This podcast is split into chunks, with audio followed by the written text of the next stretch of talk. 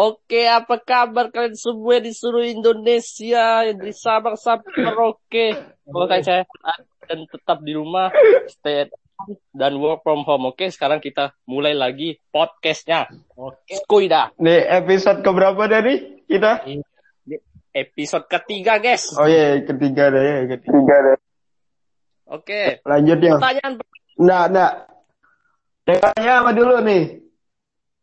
Hmm, temanya lebih ke sama sih kayak kemarin, teknikal ke Eh, apa tantangan tek- teknikal, aja susahnya jadi musisi itu. teknikal musisi ya.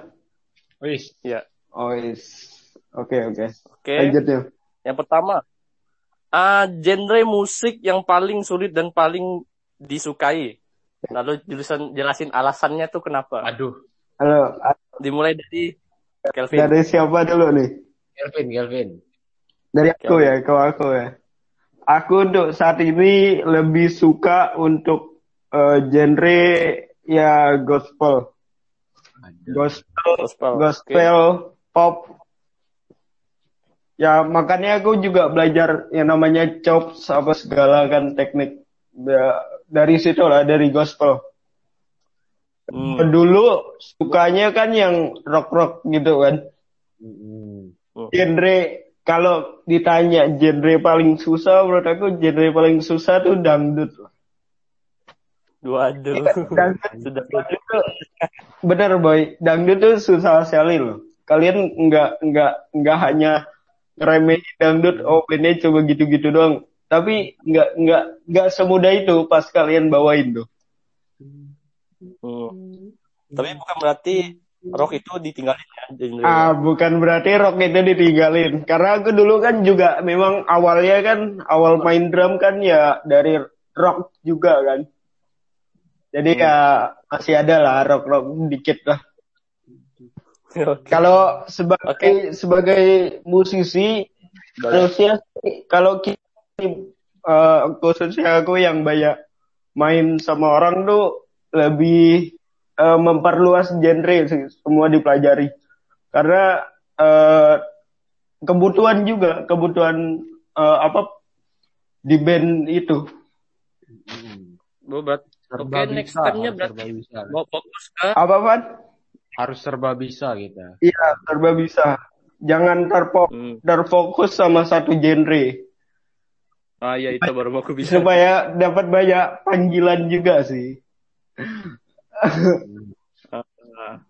Berarti nextnya mau fokus ke bis usahain bisa ya semuanya. ya? bisa semua lah Oke, oke. harus Hmm. kalau dari Evan Boleh. Hmm. Kalau dari aku sih, mungkin genre yang paling sulit dan yang paling kusuka tuh jazz karena jazz ya? ah jazz itu karena ah apa ya Ah, lebih lebih aku suka jazz tuh karena smooth jazznya biasanya kan tapi yang nadanya Hmm. nadanya lalu cara mainnya itu enggak apa ya enggak nggak biasa.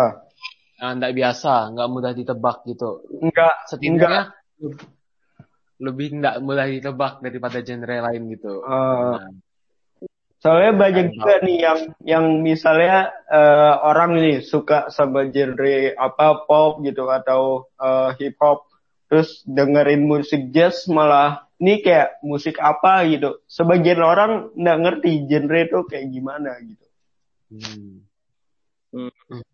kayak eh, kau dengerin genre tapi kau nggak tahu mereka mainnya tuh kayak gimana temponya kayak gimana gitu soalnya Ya, gen genre itu sangat susah loh dipelajari menurut aku. Termasuk susah juga lah lumayan susah juga genre jazz itu. Hmm. Hmm. nah kalau itu kalau aku. Oh, Kalau yang paling di, sulit, paling susah atau paling tidak disukai, Pak?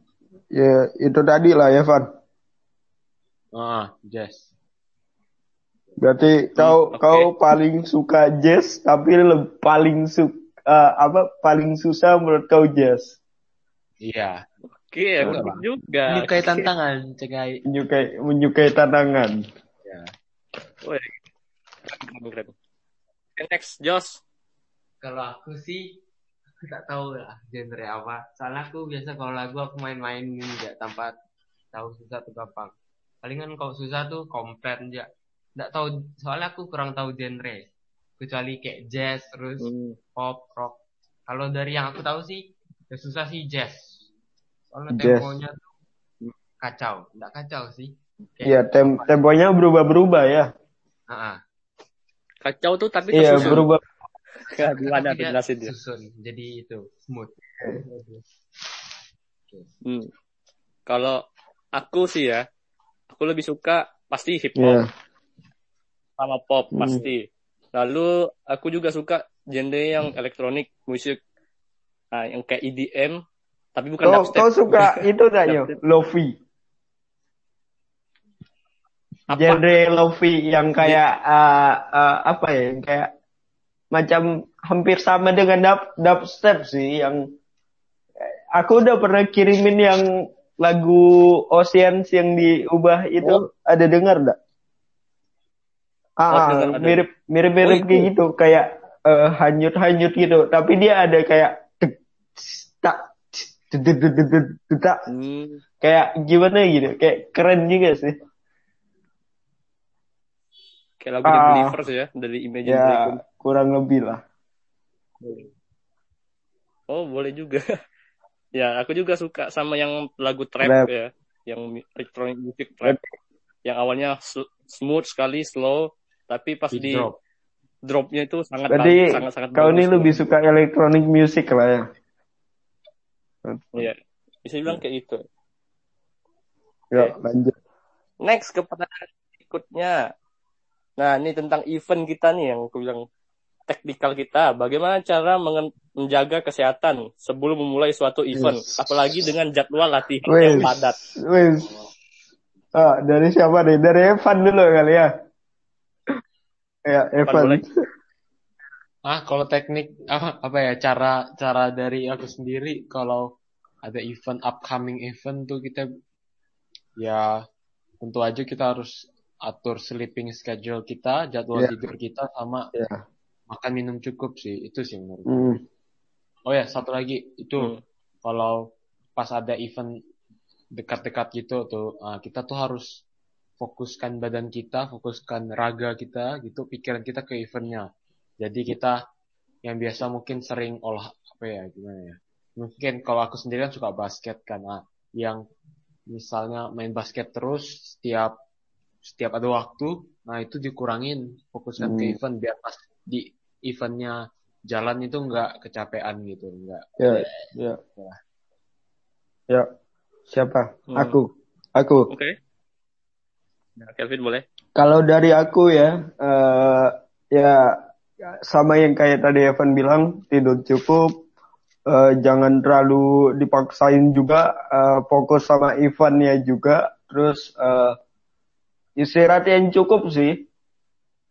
Jangan terlalu capek aja, jangan terlalu capek, jangan terlalu banyak pikiran juga, Eh, eh, kayak misalnya eh, event pertama kalian nih yang sangat besar gitu. Kalian jangan pikirin itu. Kalau kalian kepikiran itu kepi- eh, jadi jadi bawa penyakit menurut aku. Ya bawa bawa santai aja sih.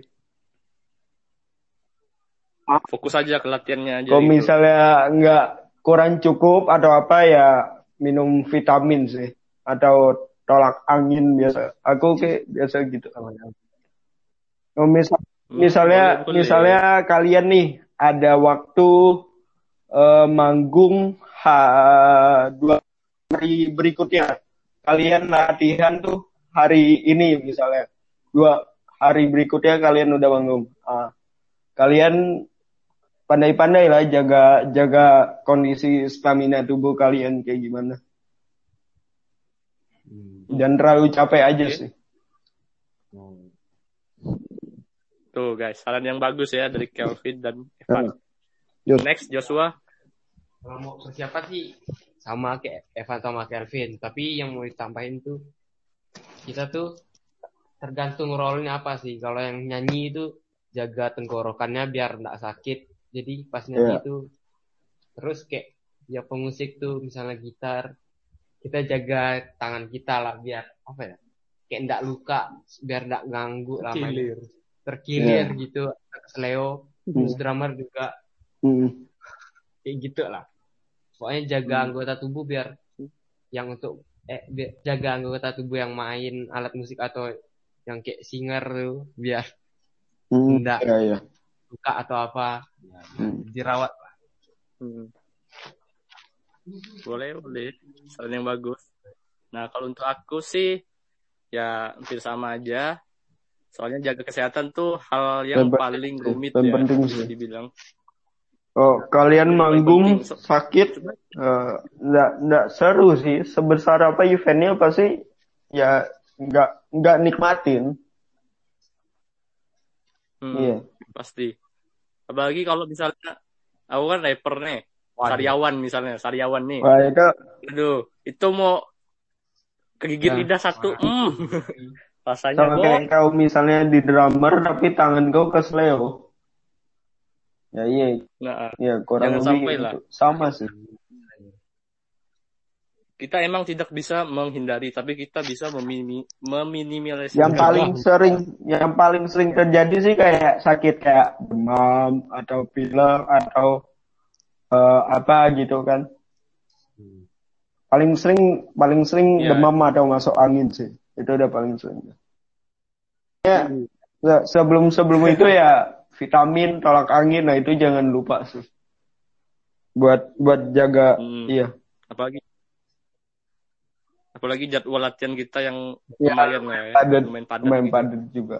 Ad- apalagi kalau misalnya kalian dari eh, manggungnya keluar kota, bukan di kota kalian, nah itu sangat-sangat eh, itu sih. Iya penting. Karena penting ya. biasanya tuh eh, kalau misalnya kita tergantung juga sih ya, biasa kebanyakan tuh dapat pesawat tuh yang pagi sekali jam jam 6, jam tujuan, otomatis kan kita di bandara jam 4. Jadi kita tuh nggak ada waktu buat tidur gitu. Ya, itulah minum vitamin, tolak angin itu jangan lupa. Oke, boleh. Ya. Langsung ke Lanjutnya. next question. Selanjutnya nih, tantangan apa aja yang bisa membuat suatu aransemen yang kalian buat ini itu bakal disukai orang Ya. banyak. Dari dari siapa nih? Ya, dari aku ya. Dari siapa ayo? Arans apa tadi ulangi pertanyaan? Tantangan apa aja yang bisa membuat suatu aransemen yang kalian buat tuh sukses bahkan disukai Eh, oleh banyak orang. Sukses dalam arti disukain pemusik atau pen- pendengarnya nih? Atau dua-duanya? Ya, sukses bisa di bidang pendengarnya juga. Kita Dua-duanya tahu aja. juga sih eh, kondisi kita main ini misalnya di panggung atau di gereja atau di eh, mana gitu kan kita tahu eh, apa eh, kita kita main dengan siapa kita eh, mayoritas yang nontonnya tuh siapa jadi kita tuh bisa buat aransemen yang sesuai gitu misalnya anak muda ya Hmm. aransemennya agak anak muda ya kayak gitu sih EDM, elektronik. ya itu elektronik dan pastinya ya ada kesepakatan juga sih dari sa- sama satu tim itu karena karena eh, Hmm. nggak enak juga kalau misalnya ada satu tim yang kita misalnya buat aransemennya ah, itu tim misalnya eh, keyboard atau basis itu nggak suka sama aransemen kita ah, itu ya nggak enak juga sih. Main mainnya juga bakalan nanti nggak enjoy. Makanya kalau di band Yoi, kalau yoi. misalnya ada apa-apa ya jangan malu-malu buat apa nanya atau buat ne- negur gitu bah karena eh, itu sangat diperlukan juga supaya bangun kekompakan juga sih. Betul sekali. Ya, Evan, Next, Evan. Oke. apa lagi? Dari aku sih kurang lebih sama kayak Kelvin, kita tuh sesuai dengan pemirsanya, pendengarnya, Ya, pendengar. apa. Mm-mm. Nah, kita jadi udah buat aransemennya. Lalu kita juga apa ya? Kita harus ada kesepakatan sama timnya ini. Mm. Itu bisa bisa kita aran apa ya kita bisa buat sama-sama aransemennya atau mau satu orang yang handle. Nah, jadi kita harus sepakatin gitu Hmm. biar nggak ada yang nanti alah ini kayaknya kurang nih ada yang apa ya kayak aduh kayaknya bagian ini jelek gitu kan Mm-mm. itu kan nggak enak jadi nanti Mm-mm. satu tim nah lalu ya kayaknya itu aja sih karena aku juga nggak terlalu sering buat aransemen gitu yang sukses yang penting enak aja yang penting show off aja biasanya Ini enak didengar, didengar lah ya. iya Ya. Joshua. Hmm. Aransemen. Ya. Apa? Ar- eh, ulangi yuk.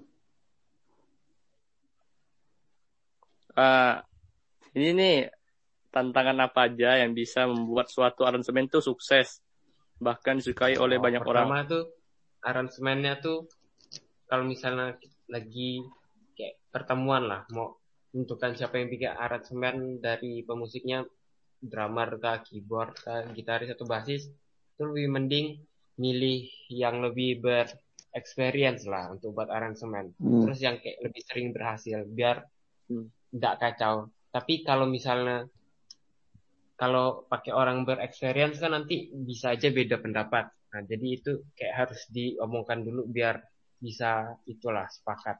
Hmm.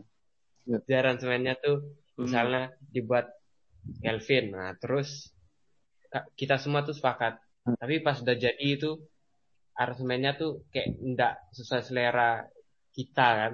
Malah kita kayak bahas lagi bahas lagi sampai jadi Sampai sampai cocok lah ya. iya Yes. Ya. Boleh. Ya.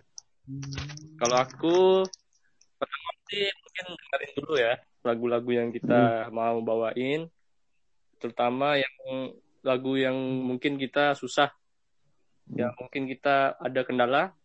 Dan betul yang apa yang kalian omongin harus ada komunikasi yang jelas sama sesama antara personil. Bagus banget itu menurut saya. Dan kalau misalnya kita lihat di aransemen-aransemen sebelumnya, hmm, mungkin aransemen sebelumnya tuh banyak yang fail tapi feel-nya dapat di bisa bilang fail tapi feel-nya dapat di penontonnya tuh? aja. Fail tapi Itu aja. Maksudnya gini kali. Maksudnya gini kali. Aransemennya nggak terlalu bagus atau gimana, tapi di apa di penontonnya itu sangat menikmati gitu kan.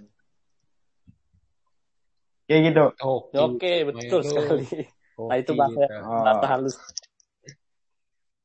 Oke. Oke, yang pe- pertanyaan terakhir guys. Oh, kan. Terakhir ya. Ini nih. Dari mana aja inspirasi dalam membuat sebuah aransemen? Kalian dapat inspirasinya tuh Aku bisa jawab, dari ide-ide apa aja. Ya. Nah, Nah, boleh. inspirasi itu jelas bisa dari artis-artis atau band-band yang sudah terlebih dahulu ada gitu ya apa gi- lalu kalau bisa tuh yang nggak harus ternama sih bisa yang ternama atau yang tidak ternama intinya kita tuh fokus ke musiknya bukan fo- fokus ke popularitas Hmm. Ya, pop. kepopuleran kepopularitas Ya. kepopuleran orangnya jadi kita nggak Hmm. usah fokus itu kita fokus ke esensi musiknya aja Mm-mm. misalnya kayak ah, teman-teman tahu nggak ICM Production I- ICM sorry. Ya, tahu tahu tahu. ya itu mereka band di Indonesia yang bergerak di gospel jazz Iya. gitu, jazz gospel Hmm. nah itu bisa cari dari situ inspirasi yang nggak harus dari band-band yang terkenal yang udah besar sekali itu nggak perlu bisa aja dari yang lokal yang kurang terkenal atau yang internasional tapi views YouTube-nya mungkin cuma ratusan ribu gitu Hmm. apa yang penting musiknya bagus gitu Hmm. itu sih dari aku Hmm. Ya. Boleh. Oke. Ya, yo. Yo, ulangi pertanyaannya yo. Next. Oke. Ah, dari mana saja inspirasi dalam membuat sebuah aransemen? Ide-idenya ya. Ide-idenya itu dari mana? Dari mana ya? Kok Hmm. aku buat aransemen sih biasanya ya Feeling. langsung bukan iya ya bukan feeling sih apa ya namanya kayak kayak apa Van namanya Van kayak keluar sendiri gitu Feeling, iya. iya Ngeflow, ngeflow. iya ngeflow kayak keluar sendiri oh kita kita mau bikin eh, di lagu ini agak-agak eh, apa agak-agak ngebeat nih ah, macam eh, gimana cara kita buat ngebeat di part ini gitu misalnya Ah, itu aku bisa keluar sendiri gitu Hmm, terus betul betul Hah? betul. apa? Aduh, keren. Terus ya Keren, kebanyakan kebanyakan ya kebanyakan aku feeling juga sih. Terus ada juga beberapa yang tadi kayak Evan bilang bisa dari referensi eh, banyak-banyakin nonton musik juga sih biar tahu gimana cara mereka eh, bawain eh, aransemen ini bisa jadi megah tuh kayak gimana. Hmm. Kalau dari Hmm. aku itu.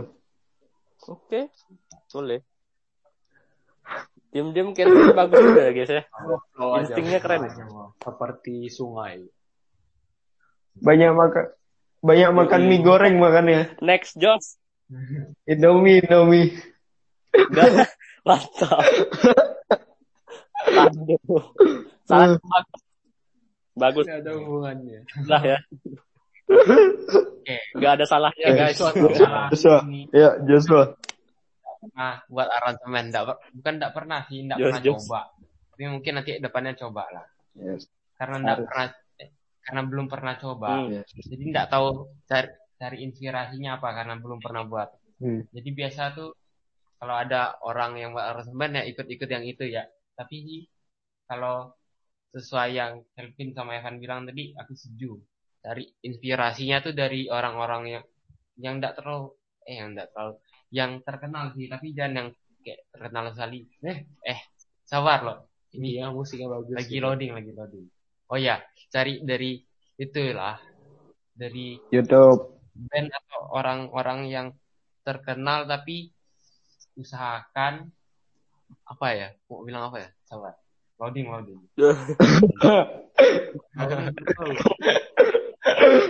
Tapi?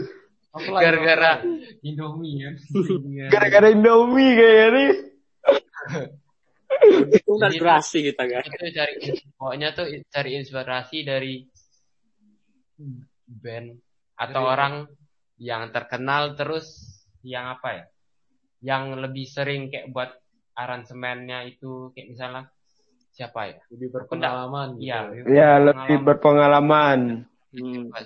pokoknya gitu lah Yes. dari dari orang yang lebih berpengalaman misalnya ada senior kita yang lebih berpengalaman jago buat aransemen tanya cuy Ya. Ya, jangan malu bertanya ya. boleh. Oke. Next, Yuk, sinyo, yuk. Senior. Job. Saya sih sebenarnya bukan aransemennya sih. kan aku Apa? kan singer sama worship leader. Ya. Well, juga rapper kan. Hmm. Jadi bukan ke aransemennya tapi lebih ke songwriter atau membuat suatu rapper rap gitu lah. Uh, men- menulis suatu lirik supaya berkesan lah ya. Betul sekali. Oh. Jadi kok misalnya inspirasinya itu dapat dari mana bisa jadi pengalaman hidup.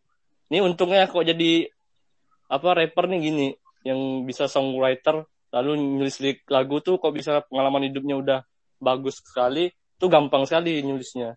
Jadi perbanyaklah kau diakuin Referensi. jadi perbanyaklah banyak ya. hmm, perbanyak referensi jalan-jalan tak ke mana cari inspirasi. Nggak boleh jalan boy sekarang. itu masalahnya. Dua, eh, gila, dua, dua bulan aku di rumah lo. Debit tadi. cuy Lama-lama betel, lama-lama bet, betelur aku nih. Bagus. Weh, hebat. Ya, karena corona ya karena pandemi ini jadi bisa buat terinspirasi lagi untuk buat lirik atau semacam. Ah, Dan juga referensinya tuh dari artis-artis terkenal kayak Igor Saikoji, ah. Rich Brian, Eminem, Drake. Nah, itu keren-keren juga sih menurut aku. Jadi kalau misalnya mau ditiru mau bukan ditiruin ya, lebih ke latihan aja dengan musik-musik mereka. Jadi kita dapat feel-nya, lalu kita buat liriknya. Cuman yang paling susah menurut aku feel dari Eminem. Terlalu cepat. Speednya Napasnya ya. napas Speednya ya. ya, speednya terlalu cepat. Tapi Dan ya, tapi rapper Indo juga banyak yang bagus sih. Kayak Iwake, Psychoji juga eh, bagus. ya oke. Andovida Lopez, Andovida Lopez itu kan juga cepat. Tapi keren juga sih. Iya. Ya, Oh, baru ingat. keren Indo- juga. Indonesia juga bagus, banyak yang bagus. Hmm. Masih ada pertanyaan kayaknya? Udah, yang terakhir tadi. Nah, aku mau tanya kalian nih. Ini sedikit melesat dari pertanyaan-pertanyaan sebelumnya ya. Nih, tanggapan kalian kan, kalian tahu nggak sih bandara udah banyak dibuka? Oh, Waduh. iya, udah ada ya. Kalau tiket kan murah banget sih. Sosial, sosial. Apa? Pertanyaan sosial ini. Iya, tahu kan eh, bandara banyak dibuka kan? Tahu kan? Iya, tahu. Ya. Eh, terus banyak penumpangnya gitu. Seakan sedangkan kita eh, capek-capek diam di rumah dua bulan buat memutus maka rantai corona malah asik-asikan gitu liburan. Tanggapan kalian tuh gimana sih? Eh, kesel kesel juga sih aku kayak gini. Bener lah. Kayak sia-sia gitu dua bulan di rumah. Hmm. Menurut kalian gimana nih? Dari siapa dulu? Yuk, dari dari Evan macam mana nih, Van? Aku sebenarnya nggak tahu sih apa situasinya kenapa dibuka karena mungkin ada yang perlu karena ya pokoknya keper- kepentingan misalnya kesehatannya atau kepentingan yang nggak bisa tunda nah, itu Iya. bisa aja di, Tapi di- tapi kan. yang aku tanya nih, kalau misalnya untuk pentingnya kan, untuk pentingnya kan pasti banyak yang eh, ndak ndak sampai sebanyak itu kan. Kalau yang penting kayak misalnya ada tugas ya, soalnya cukup lah. tertentu kan. Kalau misalnya- ya. Kalau mereka ini untuk mudik, untuk senang-senang, menurut kau tuh kayak gitu. Nah, itu sih mungkin uh, sedikit kurang peduli ke yang lain, lebih peduli ke diri sendiri sih menurutku. Soalnya Nah, parah juga sih menurut kayak, kayak, kayak apa gitu.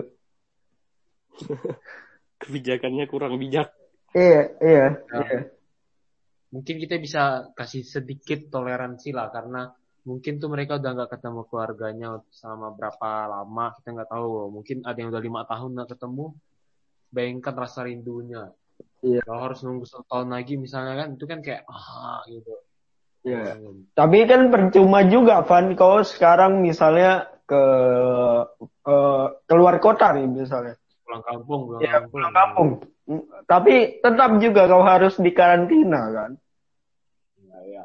Atau misalnya nih di bandara nih ada orang yang satu kena positif corona, terus nyebar ke apa eh apa tuh penumpang-penumpang lain yang di sana. Terus kau misalnya kena gitu, terus kau bawa sampai ke eh kampung kau. Itu kan wah, itu kan nyusahin juga menurut aku kan.